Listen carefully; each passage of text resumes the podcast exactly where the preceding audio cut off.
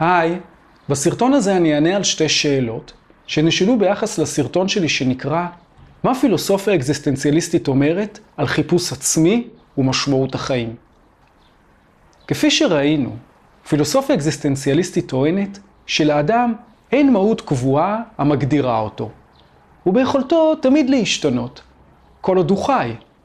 יתר על כן, היא טוענת שאנחנו צריכים לתת לעצמנו ולסובבים אותנו חירות מהתפיסה לפיה. אם נולדתי לתוך קבוצה חברתית מסוימת, זה בהכרח אומר דברים מסוימים על העצמי שלי וצריך להכתיב את עתידי.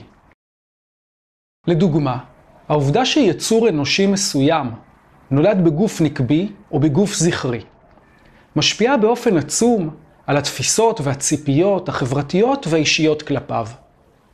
דוגמאות נוספות הן, אם נולדתי למשפחה יהודית או קתולית, אם נולדנו בקיבוץ או ביישוב דתי.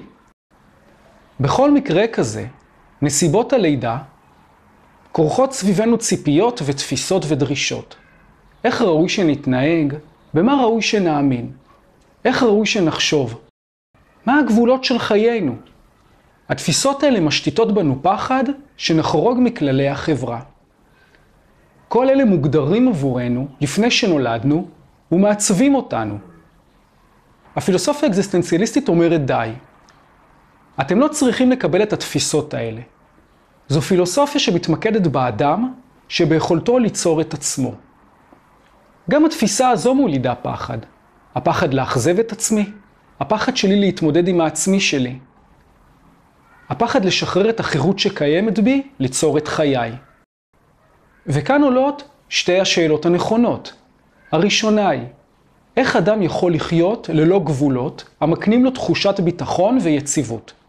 והשאלה השנייה היא, כאשר אדם אינו מוגדר ואינו בעל אמת קבועה, לאיזה מטרה הוא יכול לשאוף בחייו? נתחיל עם השאלה הראשונה. התפיסה שלפיה אדם זקוק לגבולות שיגדירו אותו כדי לחוש תחושות ביטחון ויציבות, מקבלת היפוך בפילוסופיה האקזיסטנציאליסטית. כשהיא שואלת בחזרה, האם הגבולות למעשה לא משעבדים את האדם לחיים בהם הוא לא יכול לממש את עצמו? כלומר, שחיים מתוך פחד לחרוג מגבולותינו, הם לא מופת לתחושת ביטחון.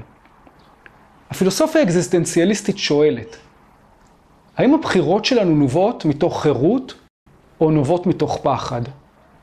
והפחד הוא בדיוק הפחד לאבד את תחושת הביטחון והיציבות שאני זוכה לה כאשר אני פועל בתוך הגבולות שמתוכם אני מוגדר. לפי התפיסה הזו, הגבולות המוכנים מראש מגדירים עבורי את חיי, ולמעשה במקומי. הרעיון הוא שהאופן שבו אנחנו תופסים את מושג הביטחון והיציבות עובר שינוי. הפילוסופיה האקזיסטנציאליסטית מאתגרת אותנו ושואלת, האם הבית אמור להיות המקום שבו נולדנו, הוא המקום שהקמנו עבור עצמנו? האם זה באמת ביטחון להעניק את השליטה על חיי לגורמים המגדירים אותי רק על בסיס נסיבות לידתי? או שמא הביטחון הוא לשלוט בעיצוב חיי? כך אנחנו מגיעים לשאלה השנייה. אם לאדם אין מהות, ואדם אינו מגדיר את עצמו, אז למה הוא בכלל ישאף? ומה תהיה המטרה שלו בחיים? השאלה הזו היא קצת היפוך לאמירה של דוסטויבסקי, שהזכרתי בסרטון מה פילוסופיה אקזיסטנציאליסטית אומרת על מוסר בעולם חילוני. והיא, אם אלוהים אינו קיים, הרי מותר הכל. דוסטויבסקי מסתכל על השאלה מזווית שלילית, ושואל, מה עוצר אותנו מלעשות רע? ופה השאלה היא, מה יניע אותנו לעשות משהו פרודוקטיבי עם חיינו? הניסיון האקזיסטנציאליסטי הוא בדיוק הרצון להחזיר את תנועת החיים לאדם. כאשר אני מוגדר מראש, עוד לפני לידתי, ויש לי מטרה שדרכה אני מתכנן את חיי, נוצר מקרה מעניין, שבו אני למעשה מפסיק לבחור את חיי באופן אמיתי. למה הכוונה?